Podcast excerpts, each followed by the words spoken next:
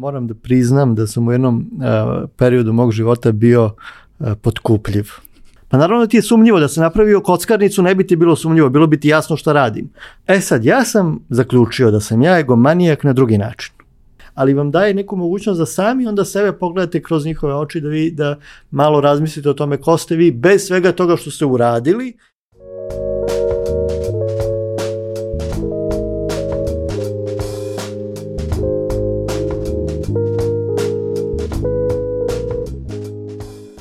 O Viktorovim istraživanjima najnedostupnijih dijelova sveta i civilizacije sigurna sam da već mnogo znate, jer je objavio nekoliko knjiga i stotine reportaža u medijima.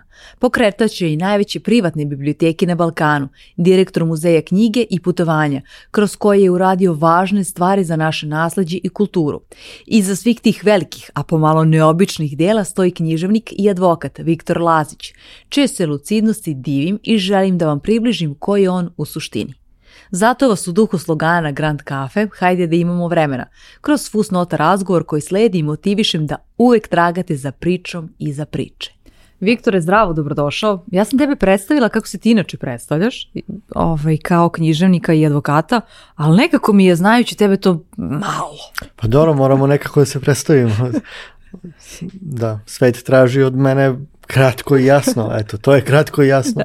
Kako se ti predstavljaš, e, ti si neko ko u najrazličitim kontekstima i sa najrazličitim vrstama ljudi, razgovaraš, komuniciraš i slično, kako se predstavljaš svuda po svetu? Onima pa tako se i predstavljam, dakle književnik i advokat, to su neka dva glavna pola onim čime se bavim i u redu.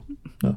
Naravno da je to vrlo mali deo svega, ali eto, nekako pokazuje ključne pokazuje neke ključne momente, momente da. jeste, da. ključne momente, jedan u stvari oba prilično stručna, tako da da. Ja volim da... Predsednik adligata, počasni predsednik adligata, to je recimo dodatak ovaj, koji volim, ali je to nekada predugo i onda to je izostavljeno. Da, objav... onda, to stvari služi kao dobro, dobro e, pitanje, pod pitanje šta je onda liga, čime se ti baviš kroz da. to i tako dalje. E, to je vrlo bitan deo našeg i današnjeg dobro. razgovora, bez obzira što sam ti ja sad rekla, e, ti se stalno pojavljaš u kontekstu Aligata kao njegov e, predstavnik i, i glavni promoter, hajde da kažem, jer to je E, tvoje čedo, čedo tvog uma na neki način, ovo u kakvom obliku sada a, e, živi, ali ja baš volim... Da... Čedo uma i ruku. Da, rad, da, da, rad, da. težak rad, da. Ove, ali ja volim da, da čujem i, i priču o osobi koja stoji a, e, iza adligata. A, pre toga, meni je vrlo interesantna priča i nekako bez obzira što, što sam i ja čula, volim za sve ljude koji su, koji su studenti u ovom momentu, a, da si ti ipak završio pravni fakultet i kasnije nastavio svoje školovanje, iako si nekako zamišljao da ćeš biti književnik i i mnogo ranije nego što si počeo e, da pišeš. I bitan im je taj odnos sa, sa tvojim roditeljima u tom trenutku e, i njihovo dobro usmerenje, ja bih rekla, e, da, da ostaneš na tom putu. Eh, da, to je teško, teško pitanje. Da, ja sam završio pravni fakultet i veoma sam ponosan ne samo eh, na pravni fakultet, nego na pravosudni ispit koji me je strašno eh, namučio i zato uvek insistiram da bude to advokat, zato što advokat je više i teže biti nego samo diplomirani pravnik. Uh, naravno da je obrazovanje veoma važno, ja sam zahvalan zato što mi je pravo pružilo uh, Um, mnogo toga. Recimo, ja mislim čak i od Liga teško da bi nastao u ovom obimu u kome je nastao da nije bilo tog pravnog obrazovanja. Moje putovanja su mnogo, pravni fakultet ih je mnogo olakšao. Međutim, ja nisam baš bio oduševljen da studiram pravo, moram priznati. Inače sam završio i pravno birotehničku školu, čak sam tamo bio i, ovaj, džak generacije i zavoleo sam pravo, ali nikada nisam sebe pretrano video da ceo svoj život posvetim samo pravu. Uh, tako da sam se ja poprilično bunio i ja sam više želeo da studiram književnost uh, nego pravo i tu je pritisak mojih roditelja bio presudan, uh, tako da, da ne, ne, ne bih ulazio u detalje, ali bio je buran, buran period. Ja sam u jednom momentu želeo i da napustim fakultet, pa svom srećom nisam, hteo sam da pređem na književnost i tako. Ovaj, ali uspeo si da, da se realizuješ i, i, i kao knjižnik I u stvari, hajde da završimo samo o, ovu priču da. sa, sa pravom. Uh, ti zapravo danas imaš advokatsku kancelariju. E, da, pa evo, ja, ja sad se, se sećam sve se razmišljam da li da ulazim u te detalje ili ne, ali recimo ovaj, moram da priznam da sam u jednom uh, periodu mog života bio uh, potkupljiv. I onda su mene moji roditelji zapravo potkupili da ostanem. Ali za više dobro, tako ali je to u redu. Ali za više potpuno. dobro, da. Ovaj, e, ne znam da sam nikada ikome o tome pričao, ali na drugoj godini fakulteta kada sam želeo da pređem na književnost, oni su mi rekli da dokle god sam redova na pravnom fakultetu sa prosekom iznad 8, da ono koliko bi oni davali za školarinu i još nešto više, da će oni meni to da daju lepo u gotovini i da ja onda mogu da putujem i pišem moje putopise, a da završam sve. I onda što sam ja radio? Ja sam e, gledao da celu godinu studija završim u roku od 2-3 meseca, dakle da zaista sve naučim, ispolažem ispite, dobijem te osmice, devetke, desetke e, i da onda otputujem na drugi kraj sveta e, od onoga što bi oni potrošili na školarinu. Međutim, naravno da sad to kada se to kaže, onda uh, bi čovjek doživio da sam ja imao neki ogroman uh, otpor prema pravu. To nije tačno, zato što sam ja pravo zaista zavoleo i pravo je isto, ako mene pitate, vrsta umetnosti i pravo je meni toliko toga omogućilo u životu da zaista ne treba, mislim, bi, bio bih loš čovjek da sada to kažem da to nije bilo dobro što su moji roditelji uradili, ja razumem i njihovu brigu i, i sve motive, a pritom su mi obezbedili nešto što mi znači u životu. E, međutim je činjenica da je moja duša više bila okrenuta književnosti, e, Uh, I eto, onda danas sam advokat, ali sam i književnik i ta dva pola, ali upravo zbog toga je redosled e, najavljivanja taj književnik i advokat, da. a ne advokat i književnik. I mnogo mi je simpatično, ne znam da li je tako još uvek, ali da, e, da tvoji roditelji zapravo rade u, u, tvojoj, u tvojoj advokatskoj kancelariji. Pa, e, dobro, to je... E, Više formalno tako da, pođe, da. Pa, to su dve spojene advokatske kancelarije, moja i od moje majke, ali nismo mi jedini advokati u porodici. Advokat je moja tetka Zorica Vuković i druga tetka je takođe pravnik i mislim cela porodica je puna advokata i pravnika. A ti si se drznuo da se vratiš među knjige, koje je takođe jeste porodično nasledđe. E, da, to, to je sa očeve strane jedno ludilo posebne vrste gde devet generacija, naravno ne sve podjednako uspešno i ne sve uh, ovaj, devet generacija teških srpskih generacija. Ja govorim da to mora da se napravi razlika između naših devet generacija i, evro, i nekih evropskih, francuskih, engleskih. Dakle, u manjim ili većem kontinuitetu se bave kulturom. Uh, i ja sam od mog djetinstva maštao o tome da tu e, porodičnu tradiciju pretvorim u u instituciju, e, zato što je to već pokušao moj čukunda da Aleksandar Lazić, ja sam zapravo želeo da uspem u tome što, što on nije uspeo. E, I mnogo si uvećao uh, i, i ne samo fond knjige, nego da. način no. na koji je E, komunicirano to, predstavljeno, kakav značaj sada um, sve to ima kroz, kroz uh, Ligat, ne samo ti, i kao neko ko je uh, zavrteo tu ideju uh, na, na ovom nivou, ali mene sad zanima, š, uh, kad ti kažeš možda sam ja ono uzeo preveliki zalogaj? Ne, ne, ja jesam uzeo preveliki zalogaj i nisam ja ni želeo da uzimam toliki zaloga. Mislim, to je se sve spontano dogodilo pa se onda čovjek nađe u čudu gde se našao. Uh, ono što je meni odmah asocijacija to je Matica Srpska. Da li znaš kako je nastala Matica ne Srpska? Znam, da dakle, oni su napravili udruženje građana uh, sa glavnim ciljem da održi e, redovno izdavanje letopisa Matice Srpske. Mislim, ja mislim da danas vrlo mali broj ljudi to zna i da gotovo nikome nije simbol Matice Srpske, letopis Matice Srpske. A Matica Srpska je nastala, znači glavni i maltene jedini razlog nastanka je bilo održanje letopisa, da se ne ugasi časopis. E pa tako smo i mi sa legatom. Dakle, nastalo je iz pod jednog razloga da se očuva moje porodično blago i da to postane institucija, biblioteka, muzej, isprava biblioteka, kasnije muzej, a sada hibrid biblioteke, muzeja i arhiva. A onda su se tu prijavili drugi ljudi koji su rekli pa evo ako praviš instituciju koja će čuvati tvoje porodično nasleđe, zašto ne bismo mi pridružili i svoje? Mi isto imamo problem, ko će o tome da se stara. I onda tako korak po korak i danas 112 legata i više od 400 ljudi je poklonilo svoje biblioteke. I to ne bilo kakvih. I to ne bilo kakvih i onda se vi nađete u čudu. Dakle, pokrenuli ste instituciju sa jednim ciljem, a završili ste sa sasvim drugim. Ali to je sve u redu, zato što je taj cilj važan i neko je to morao da uradi radi i igrom slučaja to smo mi. Da. da.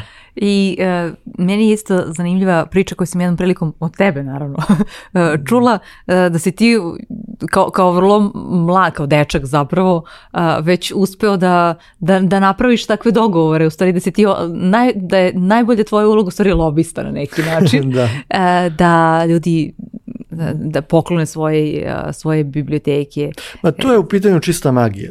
Mislim, to, to je zaista... E, a sad ako bi nam strično ne bila magija, dobro, ali on... otkrenom deo.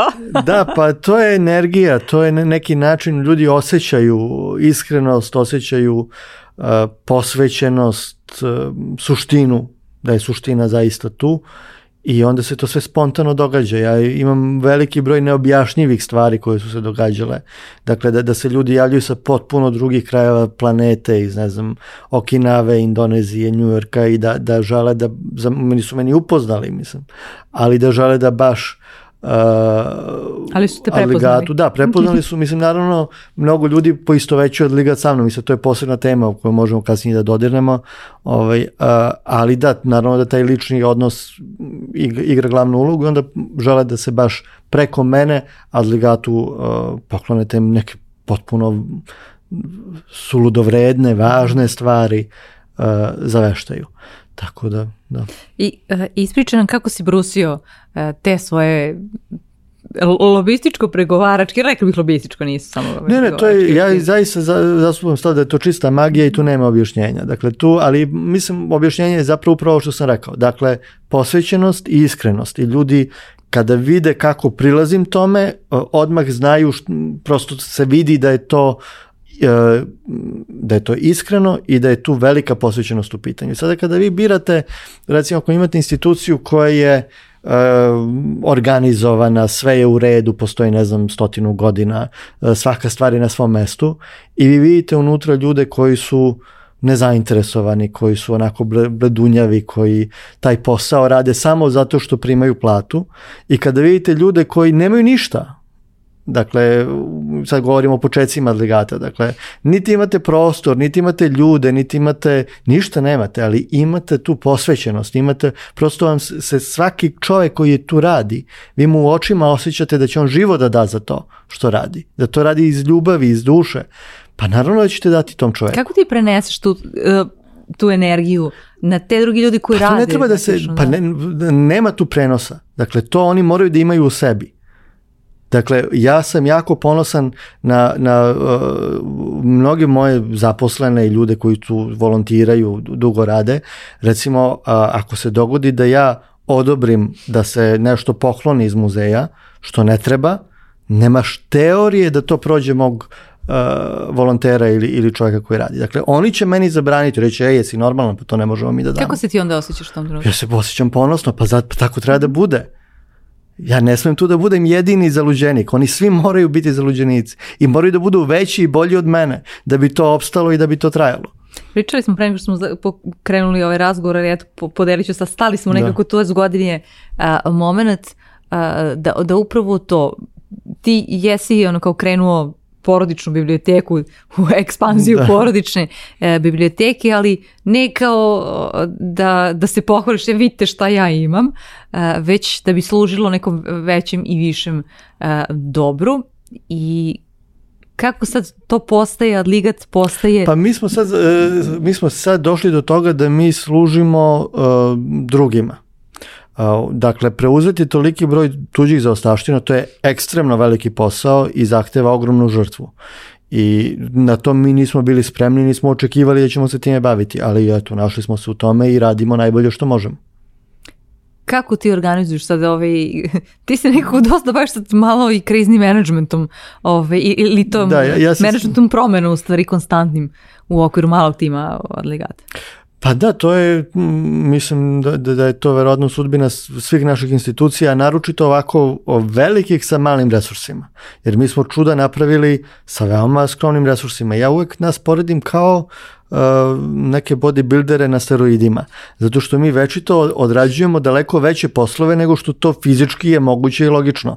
Znate, kada vam neko ovaj, premine recimo neki značajan profesor prevodilac u Nemačkoj i ostane vam 10 tona knjiga negde u nekoj zabiti u Nemačkoj. I onda nas dvoj, dvojica odemo, mi tri dana ne možemo da utovarimo u šleper ovaj, 10 tona, mislim, ali mi radimo dan noć, znači, dakle, nema spavanja, nema Ovaj, mislim, to, to su...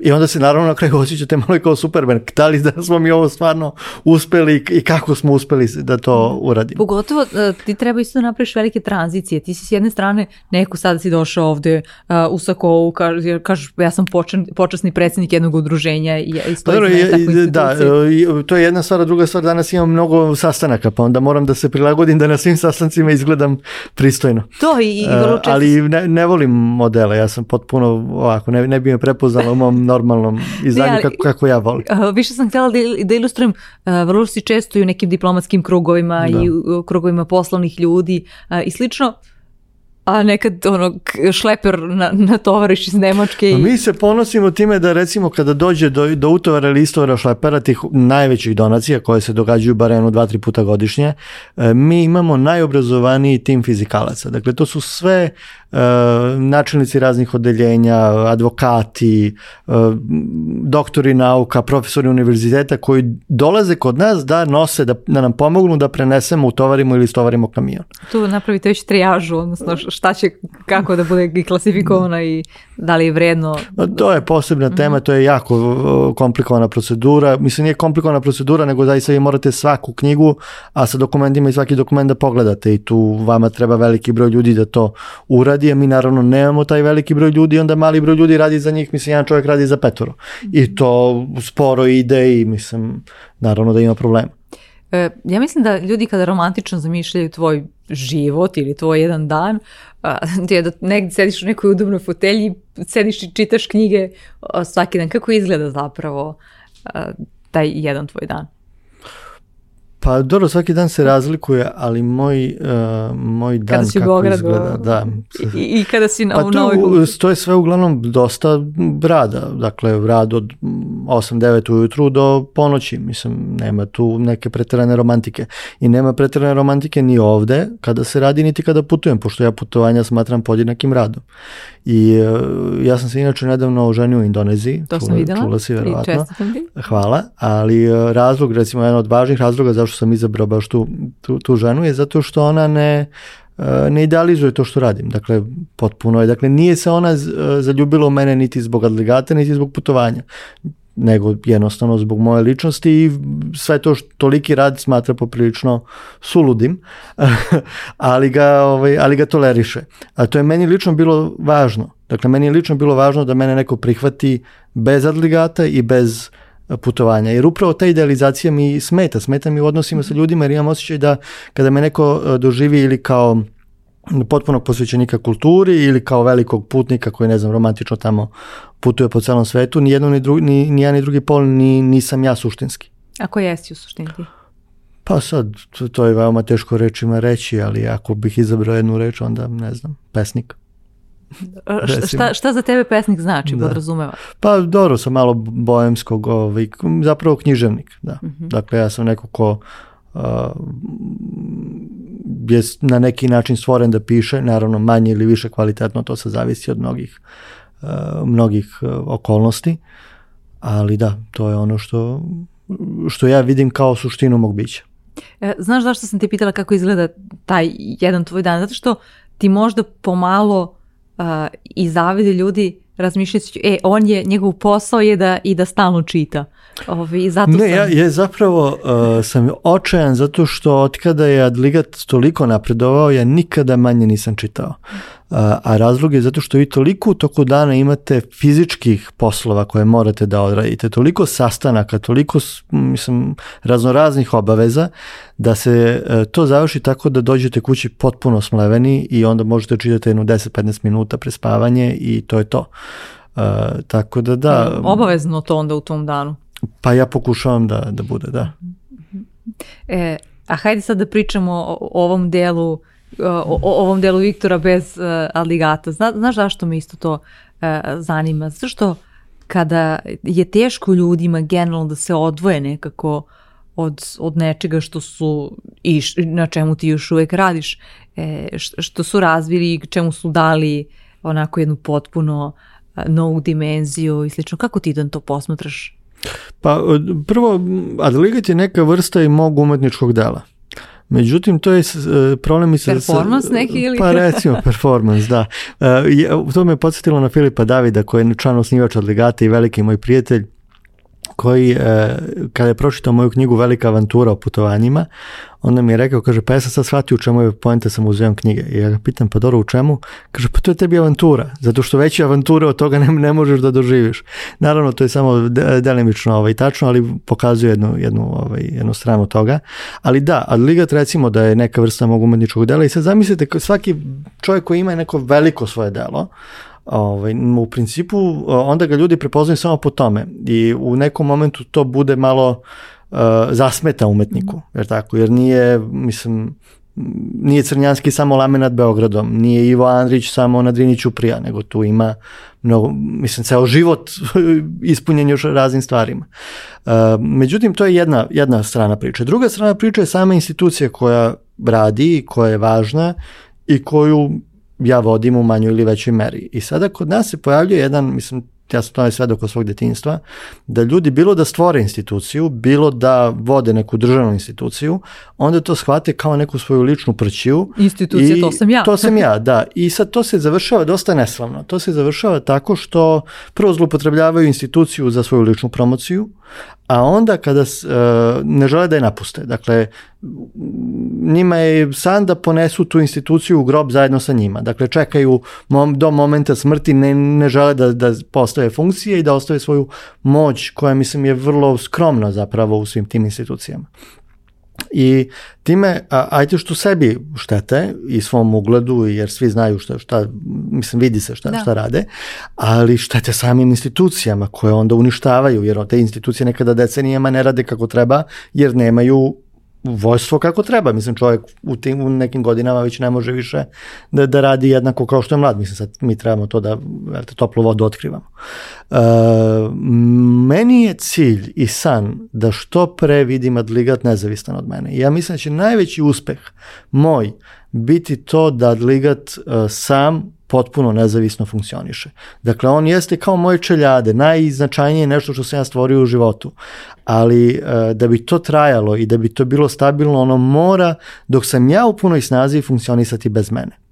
Jer Je... samo tako mogu da se, da budem da, siguran da će zauvek tako dobro funkcionisati. Jesi sigurna i te kad dođe taj trenutak da, da ćeš tako razmišljati? Ja ću biti, ja mislim da srećniji trenutak u mom životu neće biti od toga.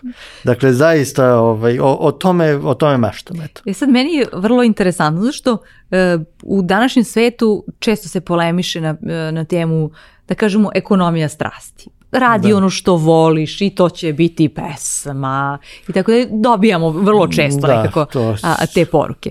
A, e, ti si neko ko, ko se dograbio i sad smo već prethodno rekli nečeg vrlo velikog uh, i voliš i živiš Ma, za to, je, i sve to. To je samo delimično tačno. Ne, mislim, da, da vam kažem, ja sam izab, da ti kažem, ja sam izabrao, mi smo na tipa, ja malo, vač, a neobično mi je da radim podcast na tipa.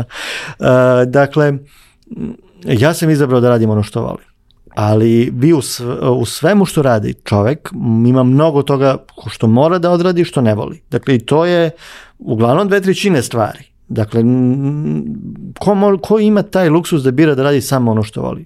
Mislim... Ka, kako se ti onda odnosiš prema, prema tom delu posla? Kažeš, ok, ovo, ovo moram da uradim i sad ja nekako treba sam sa sobom da se... Pa ne, ali e, pro, e, razlika između amatera i profesionalca je upravo to što profesionalac radi i onaj deo posla koji ne voli i podjednako dobro, kvalitetno i čak podjednako strasno.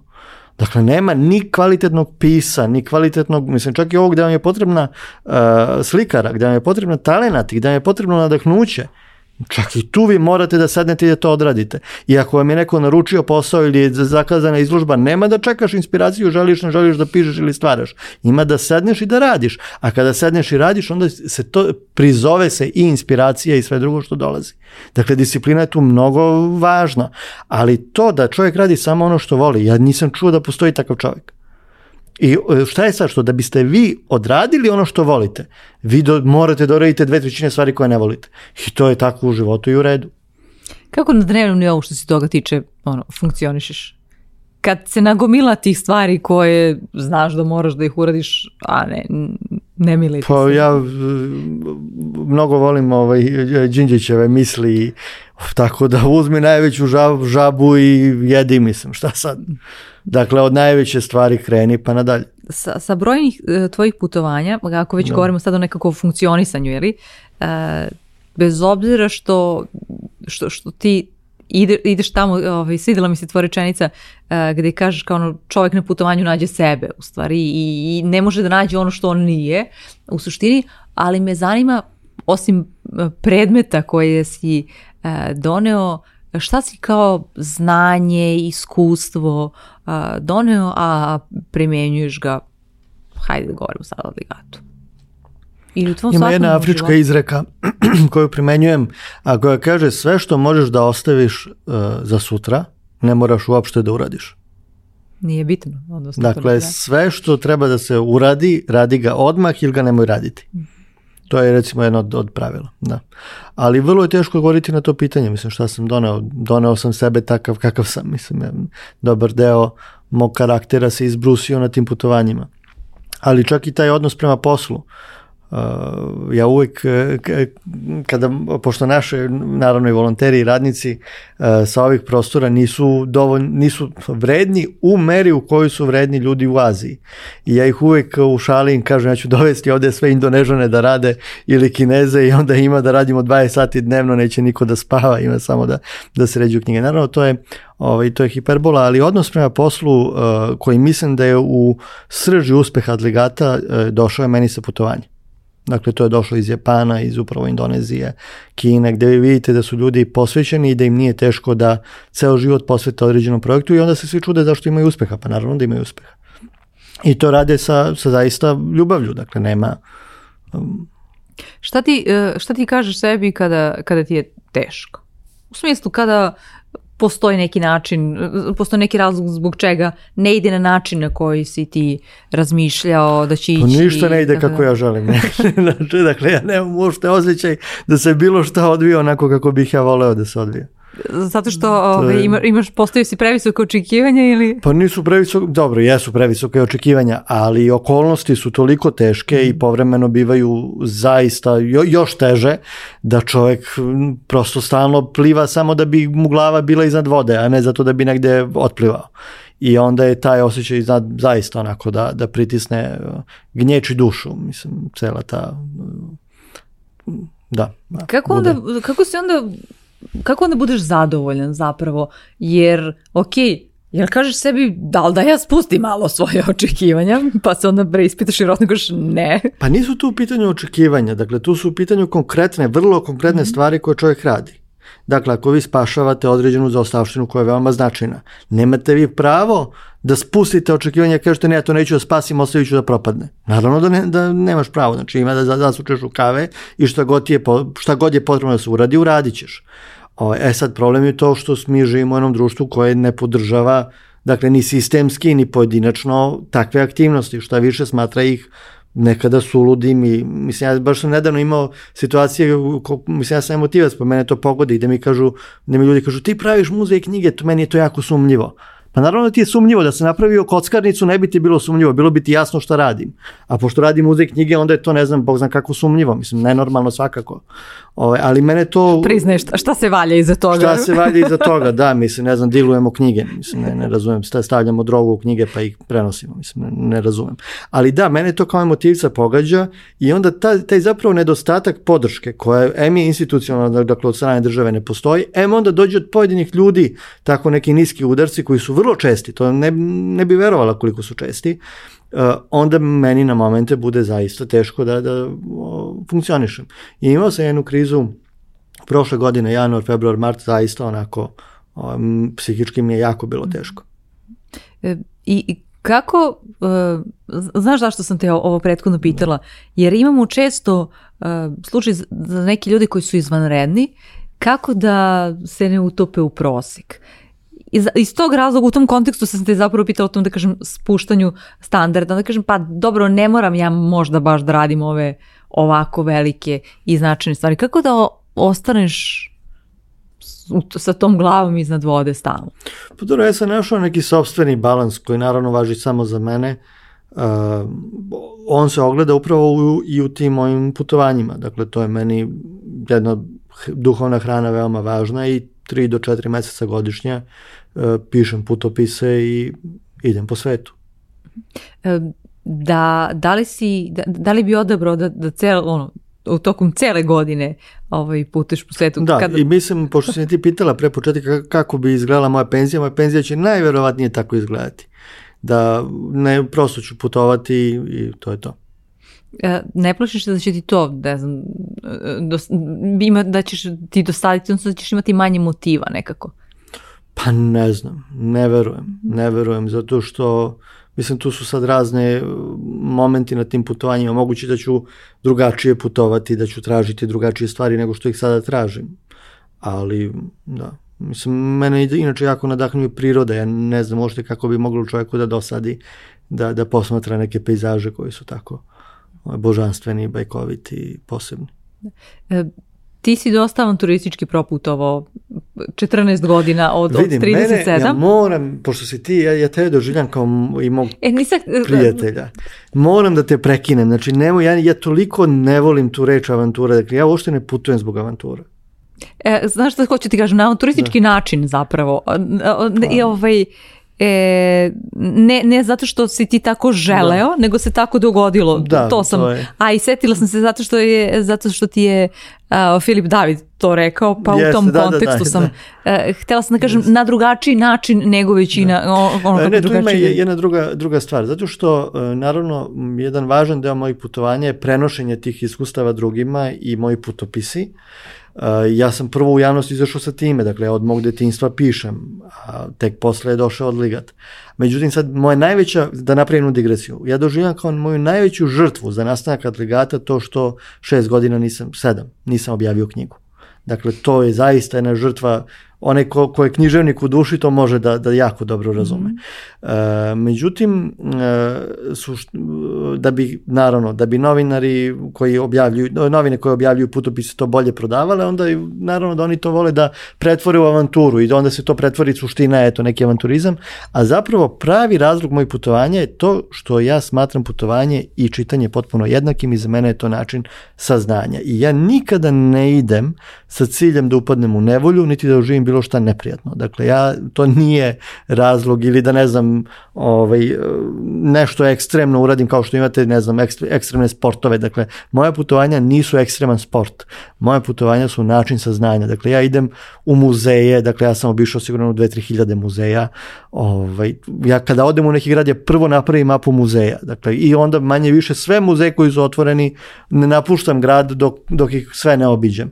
E, mene zanimaju ljudi koji su um, pisci, umetnici, novinari E, da sa njima komuniciram, da takođe sad i za moje priče, intervjue koje radim, ali e, i da ih vežem za adligat, ali mene lično zanima njihovo iskustvo. Tako da to je recimo, i mislim da što, kako godine prolaze sve više me interesuju ljudi. Mm -hmm. Tako da mnogo više sada namenski tražim i gledam da stupim u kontakt sa ljudima koji mi prijaju, nego ranije sam išao samo muzeji, sad, ali sad ne, sad su muzeji ljudi. Tako da ko zna kako će to izgledati u budućnosti, ali avantura tu nije 0,1%. Da, volim, volim da. Što, što sam eto tako, ali nije bilo da. uopšte namjerno kada sam rekla avantura, više sam mislila na drugačiji način, ne kao je ja idem da. sa tom tražići da kažem nevolju, nego... Najveća avantura definitivno muzej. Dakle, od toga go, go, nešto ovaj, gore nisam iskusio. A, ovaj, nego, htela sam da kažem, okej, prošao si na neverovatne načine e, dobar deo uh, kontinent, odnosno planete uh, zemlje uh, i sada ovaj, verovatno da, e, da, da nešto da drugačiji način na koji ćeš ponovo videti neke predele e, je potreban da bi ih opisao i zapisao i preneo e, drugima. Da, naravno, ja sam dakle putovao nekih 14 godina sam proveo putujući, mm, jednu stotinak zemalja, šest kontinenta, malo. E, e, hoću da te pitam za, za, za te ljude koje, kako dolaziš do, do toga e, volao bih da upoznam tu osobu ili da čujem njeno iskustvo. Pa eto, možda je tu Adligat jedan most koji ja nisam očekivao da će se pojaviti, zato što uh, ljudi zaista Adligat doživljavaju kao jedan svetionik i vrlo brzo i lako u svetu razumeju šta ja to radim i to mi otvara vrata koja nisam sanjao da će se tako lako otvarati i koje su zaista zatvorena manje više svim drugim putnicima. E, tako da recimo kada odem u Etiopiju ja vrlo lako sam stupio u kontakt sa unucima Haila Selasija i napravio recimo neke razgovore sa njima. U Indoneziji moja bliska prijateljica sada je postala uh, e, čerka Muhameda Hate, to je osnivač Indonezije i čovjek koji je imao najveću biblioteku u Indoneziji. Jedan od najznačajnijih ljudi uopšte u celoj toj državi, dakle sa Sukarnom je proglasio nezavisnost današnje zemlje. Uh, E, to su sve, da, ili odem na Sejšele, upoznam najpoznatijeg pisa i to ne samo što ga upoznam, nego on odmah raz, mm, shvati šta radim i onda me proveo e, i kroz e, Viktoriju glavni grad i, onda mi on omogućio kontakte sa matene celom kulturnom elitom Sejšela, dakle bukvalno mi sutradan zakazao sa gradonačelnikom razgovor. E, ali to se ne bi dogodilo bez delegata, to je zaista istina.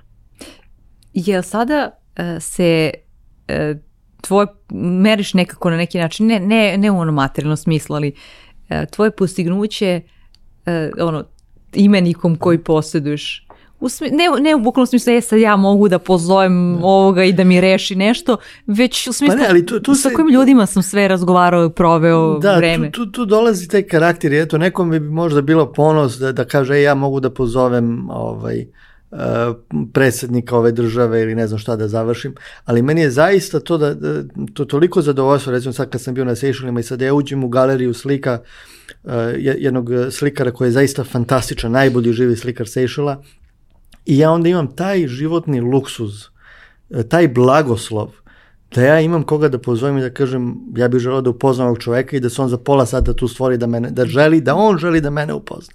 I, i da maltene ne E, se razgovor završi tako da, ne, mislim, njegov odnos prema meni kao da sam ja zvezda koja je tu došla, a ne on. Mislim, to, to su momenti koje pamtim i koje, eto, to je nešto što sam ja dobio od adlegata. Eh, e, u Srbiji nisam se, moram da priznam, na taj način pripremila za ovaj razgovor, ali postoji dobar deo ljudi koji nema, nema ni pasoš. A, a da ne govorimo i onom broju ljudi koji je možda osim nekih ekskurzija nije bio u prilici da putu. I sada stavit ćemo sad po strani zato što se to uglavnom vezuje za, za to koliko se novca ima i slično. Ovde govorimo sada o putovanju kao a, načinu da saznamo i ono što si ti rekao da načinu da saznamo nešto novo i naučimo. A, kako sada objašnjavaš zapravo dobrom delu ljudi koji je na taj način zatvoren ili uskraćen za takvu vrstu saznanja, ovaj, ovakvu vrstu tvojih iskustava? Pa nemam šta je tu mnogo da objašnjam, dakle trebaju da uzmu i da čitaju ono što, što napišem, pošto ja dosta detaljno opisujem i putovanje i način na koji putujem. I tu se uvek postavlja to što mnogo je lako zavideti nekome ko nešto radi, ali e, ja garantujem da 99% ljudi kada bi jedan dan putovali sa mnom E, da bi odustali, da bi smatrali da, da imaju jako dobar i luksuzan život u odnosu na moje putovanje. E, evo jedan detalj sa, sa mojom e, novom suprugom. mi smo otišli na medeni mesec na Borneo i onda sam ja želeo da vidim neki izvor. I mi smo se uputili prvo motorima, onda je krenulo neko blato. mi smo završili u blatu, dakle meni je bilo do grudi, a ona je mnogo niska, dakle ona je plivala u, u blatu dakle apsolutno plivala. I, ovaj, i, i ta scena, dakle evo sad Medeni mesec, dakle moje supruga gde ona, mislim ja, ja je gledam, a ona poluglasno samo govori nemoj da plačeš, nemoj da plačeš, nemoj da plačeš, znači sama sebe ohrabruje. I U tom momentu ja shvatim da naravno da sam preterao i rekao nećemo dalje, nema potrebe i nije to vredno da mi vidimo da se toliko žrtvujemo. I onda kaže, e ne, vala, dok kad si me dovde doveo, ima da odemo da to vidimo. pa zamisliš. Ovaj, da.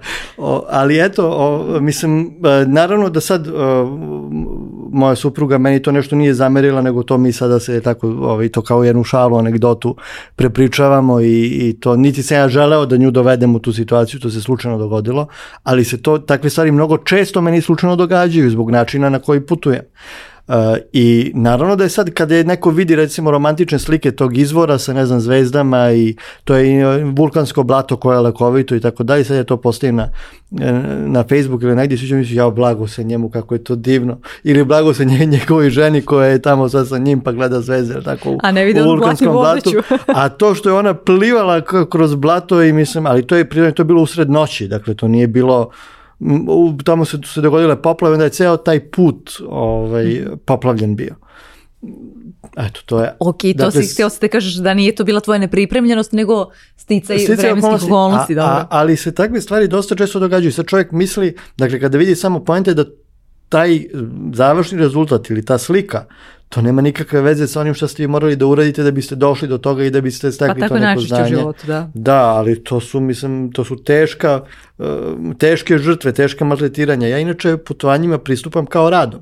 Dakle, ja se ponašam kao da sam u vojsi. U 7.00 ustajanje, 7, pola 8 do 8 najkasnije se izlazi ujutru iz, iz e, kuće i hotela i dok ne padne mrak nema stajanja. Dakle, to su sistematska obilaze, obilaženja i, i rad.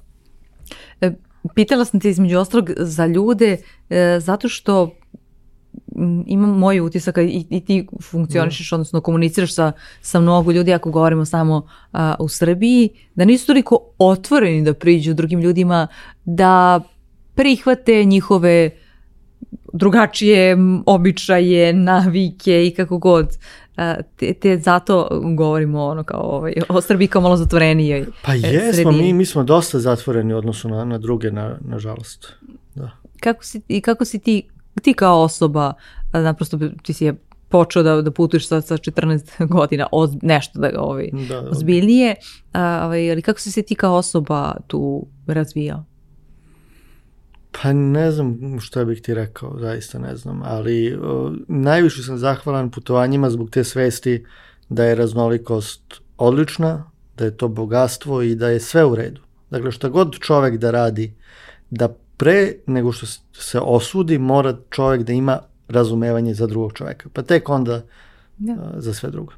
E, nedavno mi je bio a, u gostima jedan momak koji kaže e, i koji je ispričao zapravo da on voli da ode na neku potpuno, da kažem, no. Da. neočekivanom mestu koje je znatno drugačije od onoga, od okruženja kojem on živi, upravo da, da bi da, da bi se na neki način ono poništio. Da, ovde, odnosno... ovde postoji problem zato što uh, ovo okruženje, da onaj ko, ko malo duže u njemu ostane, ono poprilično uh, truje čoveka.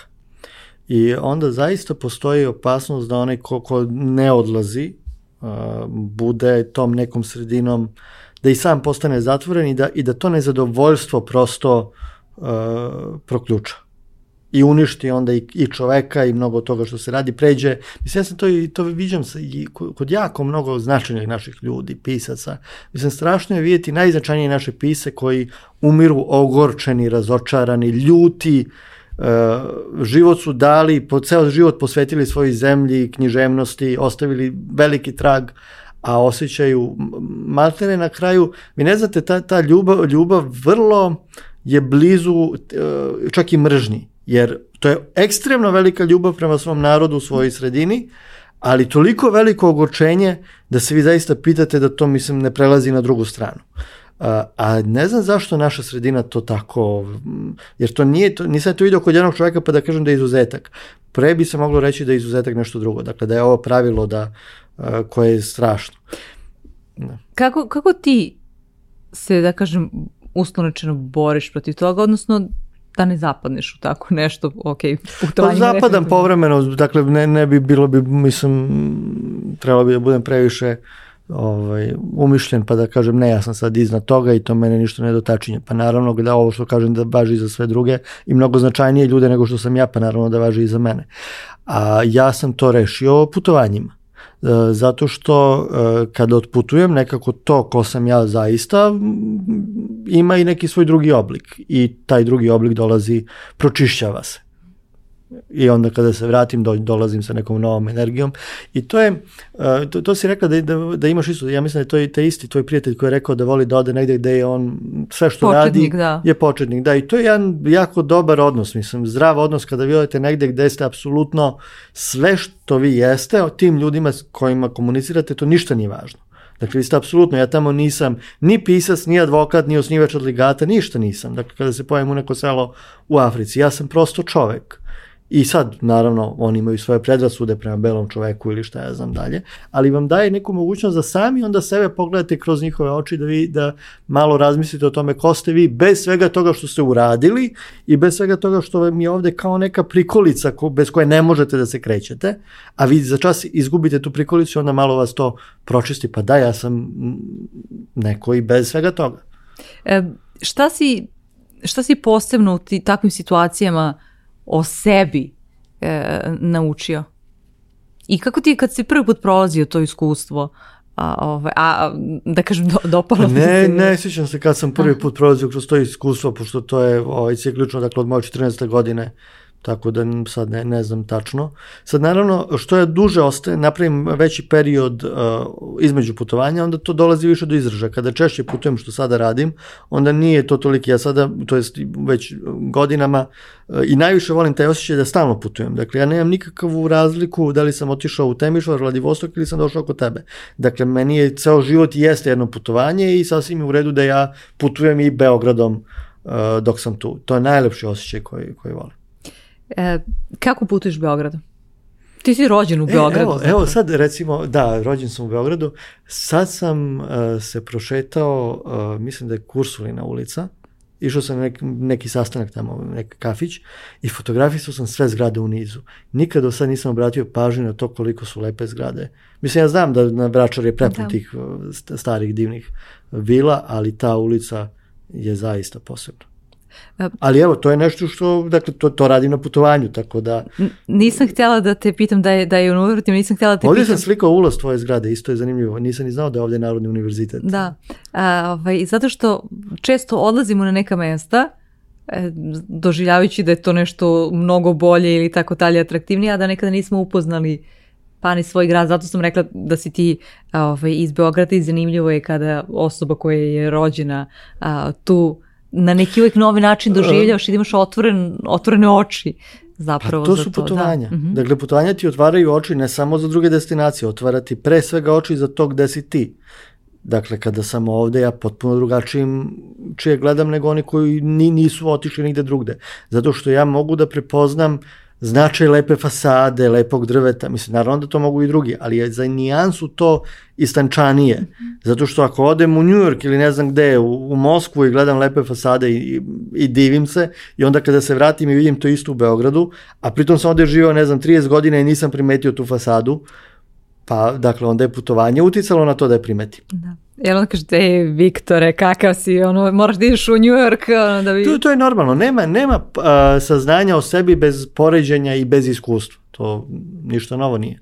E, ali ako se poredimo, znaš, uh, ovaj, obično Ljudi govore o poređenju u negativnom ne, ne, konotaciji. Ne, nije to, to nije poređenje u tom smislu kako naši ljudi doživljavaju sada da se mi lepo o, uporedimo u milimetar. Da li neko bolji ili loš? Da li neko, ne, da. čak nije ni to, nego je samo svest šta sve postoji da bi ti u kontekst toga što postoji mogao da smestiš pravilno ono što ti jesi i ono što vidiš oko sebe. Dakle, nije tu to poređenje sada mi uporedimo ko je bolji, nije uopšte suština u takmičenju, niti u tome da li je naše bolje i da jeste, to je beznačajno da li je bolje ili nije. Bitno je da ti u kontekst cele planete, svega što postoji, smestiš to što gledaš i to što ti imaš. E, meni je, e, sada si ispomenuo to, e, odlično mi je što si nedavno pričao o tome kao, kako ti ne voliš zapravo superlative i kada ti se takvu vrstu pitanja postojiš ok, ali nismo se dotakli onoga što je suština. E, šta je za tebe suština? Pa suština je, mm, suština je uvek celovitost.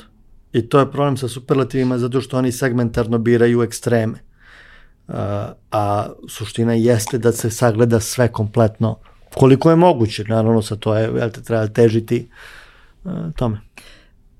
Kada govorimo a, već o tome da li ti se nekada dešava istražuješ neku temu, ali ona nema, nema kraja mm. zapravo.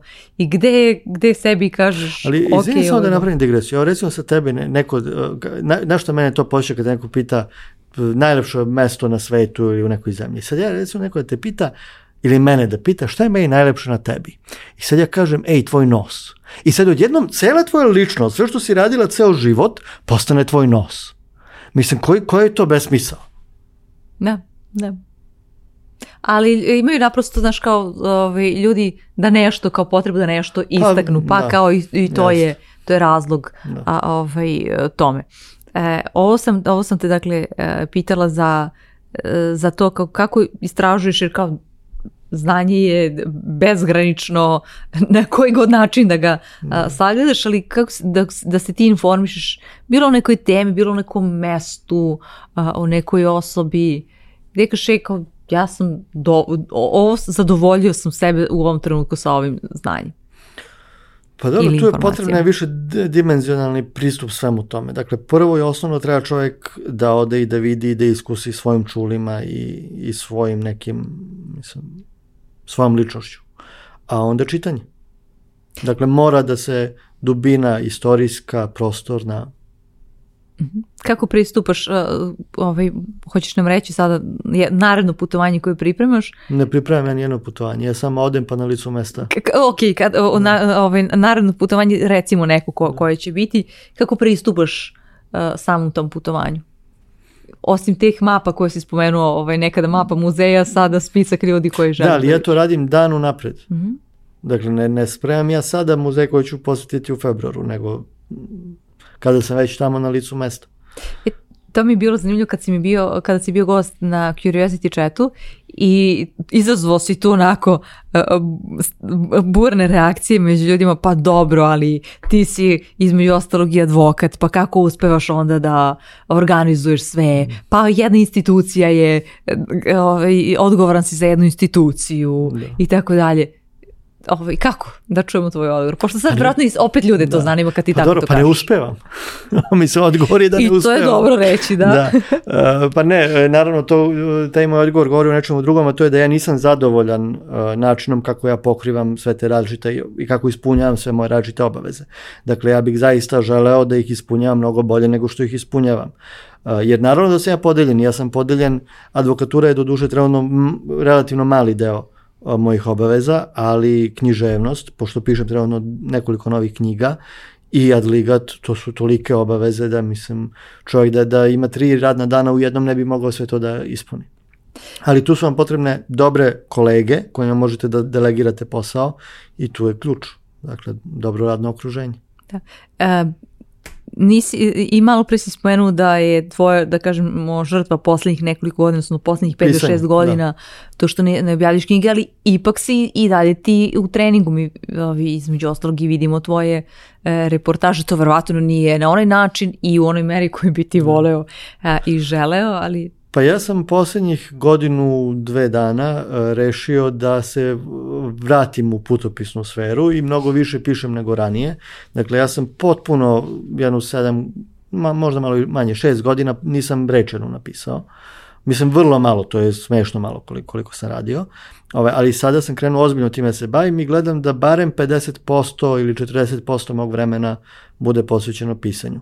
E, samo što to znači da moj radni dan traje 12 do 15 sati, pa onda može da se uh, iskombinuje i sve drugo, ali da, to je, to je odgovor. I ja sada recimo baš ovih dana izbegavam sastanke i ja sam oko tvog ovog podcasta organizovao da mi danas ceo dan bude samo za sastanke kako bih sutra mogao da samo pišem.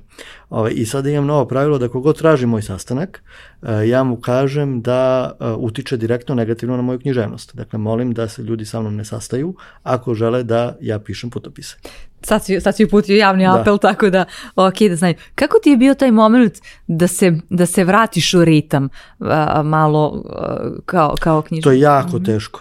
To je jako teško zato što Uh, jedna stvar je talenat, ali vi uh, morate imati, posebno u, u književnosti, to je jako važan, važno uh, uronjenost u jezik. Dakle, vi morate vladati svojim jezikom uh, nadprosečno. A ja zbog, e, prvo zbog poslova koje sam obavljao, a onda i zbog putovanja, zbog korišćenja mnogih stranih jezika, e, ja sam izašao iz srpskog jezika. Ja stalno imam osjećaj da nedovoljno vladam e, našim jezikom i tu je naravno tu je jedini lek čitanje, dakle nema tu drugog leka, ja nemam dovoljno vremena da čitam kao što bih želao i kao što bih trebalo, trebalo da, da čitam, međutim eto, pokušavam, radim. Osim, osim čitanja, jel si onako i kada pišeš izgubio, hajde da kažemo neku sigurnost. Taj prvi pa, moment dobro, ja mislim, izgleda? Ja mislim da, da nedost... naravno ima, imaš dve vrste e, pisaca, jedni koji su ubeđeni da su genijalni i da samim tim što nešto napišu da je to odmah vrhunsko i nekada to zaista bude tačno. Dakle, ne mora da znači da napred nije tačno, I, ali nekim pisima to toliko znači da oni bez tog osjećaja ne bi mogli da pišu. To im hrani, ovaj, to im dušu, hrani ego, dušu, ego i to ih tera, to, to im daje snagu da pišu. A ja sam u potpuno suprotnom taboru, uh, gde sam zaista nesiguran i ja volim da ono što ja napišem pročita 5-6 ljudi pre objavljivanja i da ja sa njima porazgovaram o mom napisanom tekstu i da onda tek napravim konačnu verziju i da mi čak daju poneku e, ideju za neku bolju reč, za, tako da drugačije funkcioniš. Koliko to onda malo uh, usporava i produžava tvoj proces, verovatno. Pa mnogo, da. da. Dakle, ja sam izračunao da u, u proseku tačno onoliko vremena koliko mi treba da nešto napišem, toliko vremena potrošim u saradnji sa kolegama, prijateljima s kojima se konsultujem u vezi mojih tekstova. Je li to uvek isti krug ljudi ili u zavisnosti od toga iz nekog razloga je rad. To je znači. uglavnom dakle. isti, mislim promeni se nas, ali vrlo su redke promene, dakle ne, to su ljudi kojima ja mnogo verujem i u, i u čije jezičko osjećanje verujem i u čije prosuđivanje o tekstu verujem, zato što Uh, evo baš u ovim, u ovim novim mojim tekstovima tu će se naći ne, neka moja razmišljanja koja su ne moraju biti tuđa dakle može da dođe do, do velikih razlika e, kako onda, eh, kako prihvataš komentar, hajde, tako da kažemo, eh, jer čini mi se da, da, da nam dosta fali ta kultura dijaloga. Ako možemo da da. svedemo to a, eh, na taj nivo da pa, ono da kaže da, da neko prokomentariše nečije a da ne prokomentariše znaš kako kod nas uh, veliki broj pisaca su pravi egomanijaci Dakle, to da im dirnete, da im kažete da je nešto su pogrešili, da slovnu grešku da su napravili. Dakle, to je opasno po život. Dakle, izvediće će i usreliće će vas. E, e sad, ja sam zaključio da sam ja egomanijak na drugi način. Dakle, meni je mnogo stalo da moj tekst bude zaista dobar – i ja želim da mi ga iskritikuju pre nego što ga ja objavim, ne bi li ga ja toliko unapredio da on zaista bude što bliže savršenosti. Tako da isto meni stalo da to bude, kak, mislim, da mogu ti njime da se ponosim. A ovo je samo druga... Pa onda da. tvoj ego istrpi. Istrpi, da, da, istrpi. Mm, ali e, to sam ja primetio, e, postoje recimo neki ljudi koji kada uzmu da kritikuju tekst, kritikuju ga na pogrešan način. Dakle, stvari koje govore meni nemaju smisla. I ja onda to ne mogu s tim ljudima da radim i neću na taj način da radim i u redu. A postoje ljudi koji tako e, na liniji onoga što sam ja želeo, da, što je suština tog teksta, tako dobro pokažu na neke propuste da sam ja zaista zahvalan i mm, mislim bit ću im zahvalan maltene do kraja života zato što sa to možda zvuči kao hiperbola ali za jednog pisa ne postoji ništa važnije od njegovog dela. Želim da se setim e, da, da podsjetim na Ivo Andrića i Nasku i, i Vuk priču. E, to mora koje... svi čitali toj lektiri tako da još Jeste, ali da ta da je priča ne da. znam da li znaš ona je bila nešto 3, 4, 5 puta duža. Dakle to je jako jako dugačak tekst bio. I e, ja sam se zaboravio ime te, te žene koja je radila sa njim koja mu je isekla i, i zamisliti, ne znam, tri četvrtine teksta neko kaže ovo moraš da brišeš. Pritom sigurno da je, je bilo dobro, mislim nemoguće da, da Ivo Andrić on nije napisao kako valja, ali ona procenila da mu je važno zbog da bi to delo bilo kratko, jasno, da bi bilo čitljivo, da ne može neko da čita 50 strana o jednom pokretu, mislim, Aske u šumi. I on je to poslušao. Mislim, zamislite, to, to, često se razmišljam da li bih ja baš pristao da mi neko dve trećine dela kaže, ej, ovo preskoči. Ali Mislim, koja je to svest bila, koja je da. to svest bila njegova da kaže, da, ova žena je verovatno u pravu, daj da mi to skratim. Jesi imao takvu neku sličnu situaciju? Pa imao sam, da, imao sam i sad naravno e, opet se tu, e, tu je ključ da ti ljudi koji e, čitaju tekst da razumeju suštinu onoga što ti želiš da kažeš jer onda mogu da ti daju e, primetbu koju ćeš usvojiti.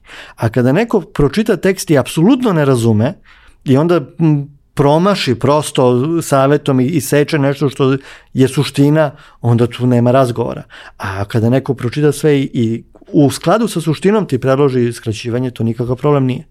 Ovde sam te pitala zato što nekada uh, i kada u tvom slučaju damo neki tekst na čitanje, e, ho, želim da čujem tvoje komentare, mišljenje u tom i tom kontekstu. Značilo bi mi da ti na taj i taj način pročitaš taj tekst, hajde, tako da govorimo.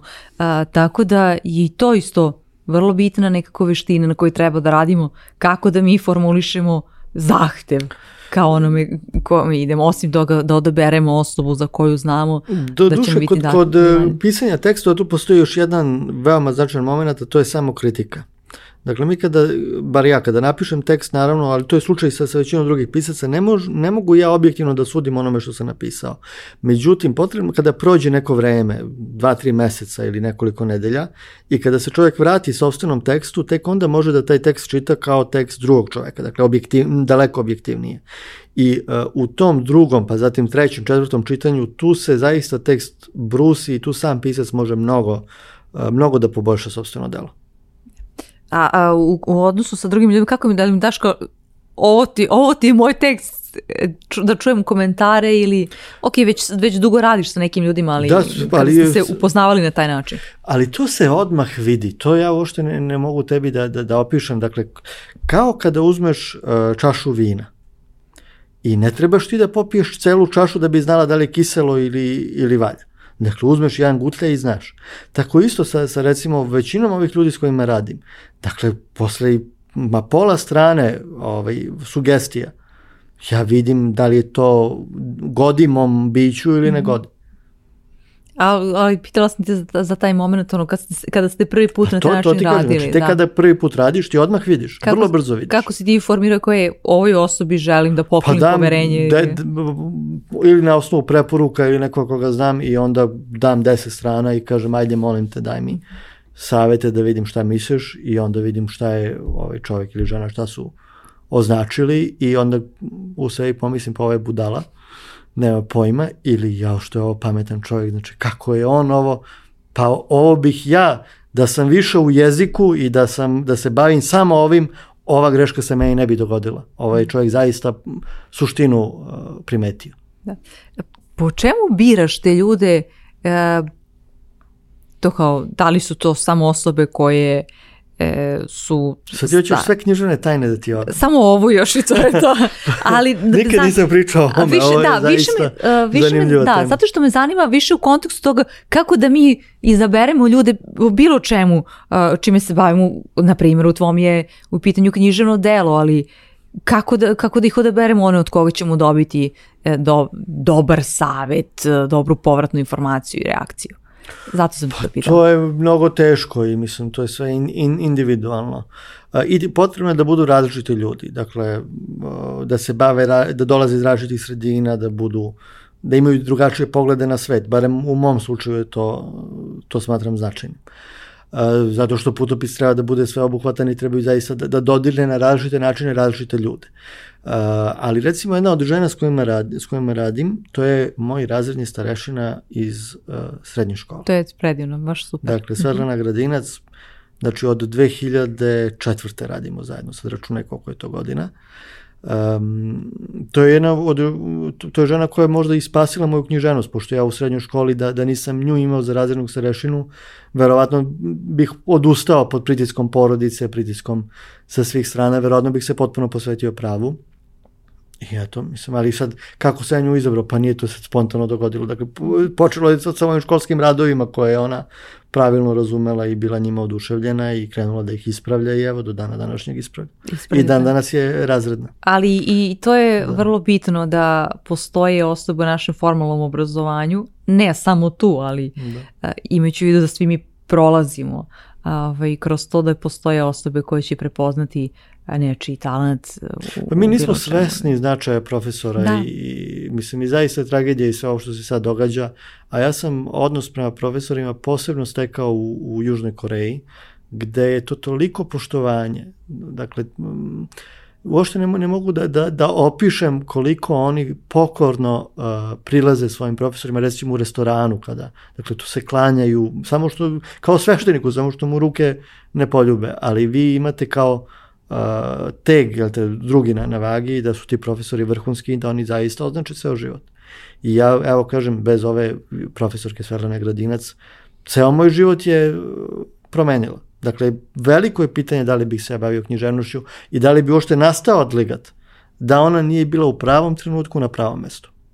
E, I hvala joj, e, evo, da. ne poznajemo je, ali e, verovatno da je I, pod... I, I inače, jedna od prvih žena koja je ostavila nama legat pre 10 godina pre osnivanja legata, znači bio sam u srednjoj školi u drugoj godini. Imali poverenje škole. Da. potpuno da. u tebe. Da, da. I važno je nekako da u tim mladim godinama, čak i ako imamo neke lude ideje kako je yes, ta bila da, pa tada, mislim, da neko porodičnu povere... biblioteku svojeg roditelja poklanjam. Mm -hmm. Tako da. Ovo, ovaj, vrlo, vrlo bitno to. Da. E, ti često gostiš, ili ima nešto što, što te baš niko nije pitao, a ti nekako bi baš volio? Pa evo sad niko me nije pitao kako ovaj, ispravljam svoje tekstove pre, pred objavljivanje. Osim toga, dobro, to sad ovaj si niko. rekao nešto novo. Da. Uh e, I bez kog znanja da zaokružimo ovim pitanjem e, naš razgovor, bez kog znanja ili veštine ti danas ne bi bio ovaj Viktor sa kojim ja razgovaram?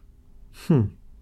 Ja smatram da uh, sam ja talentovan za putovanje I sa to je isto, isto slučaj kao i sa književnošću i sa svim drugim, dakle e, sva ta, ne znam kako da ih nazovem, zanimanja ili, e, to je spoj talenta i naučenog. Dakle imate, maltene podjednako koliko ste talentovani, toliko je zanatski deo e, važan da bude izvrstan i ja mislim da su tu putovanja kao jedno posebno zanimanje i bez tog te kombinacije talenta i stečenog zanata kako se putuje, e, bez toga ne bih bio ja i naravno književnost, ovo, te dve, ta dva pola su sve drugo može, a ne mora. Dakle, e, ali ovo mora. Čekaj, ali kad govorimo o zanatu ili si e, u putovanjima, još uvijek šegrt ili se sad smatraš majstorom? Pa teško je reći, sve zavisi gde se putuje, svako mesto je drugačije. Rekao bi da za jedan deo sveta sam majstor, a za drugo sam tek početnik. Hvala ti da te ne zdržam onda, ne samo zbog novih putovanja, već i zbog tih sastanaka da. na koje treba odiš danas. Zadovoljstvo mi je bilo da pričam sa tobom i radujem se tvojim novim knjigama. Hvala.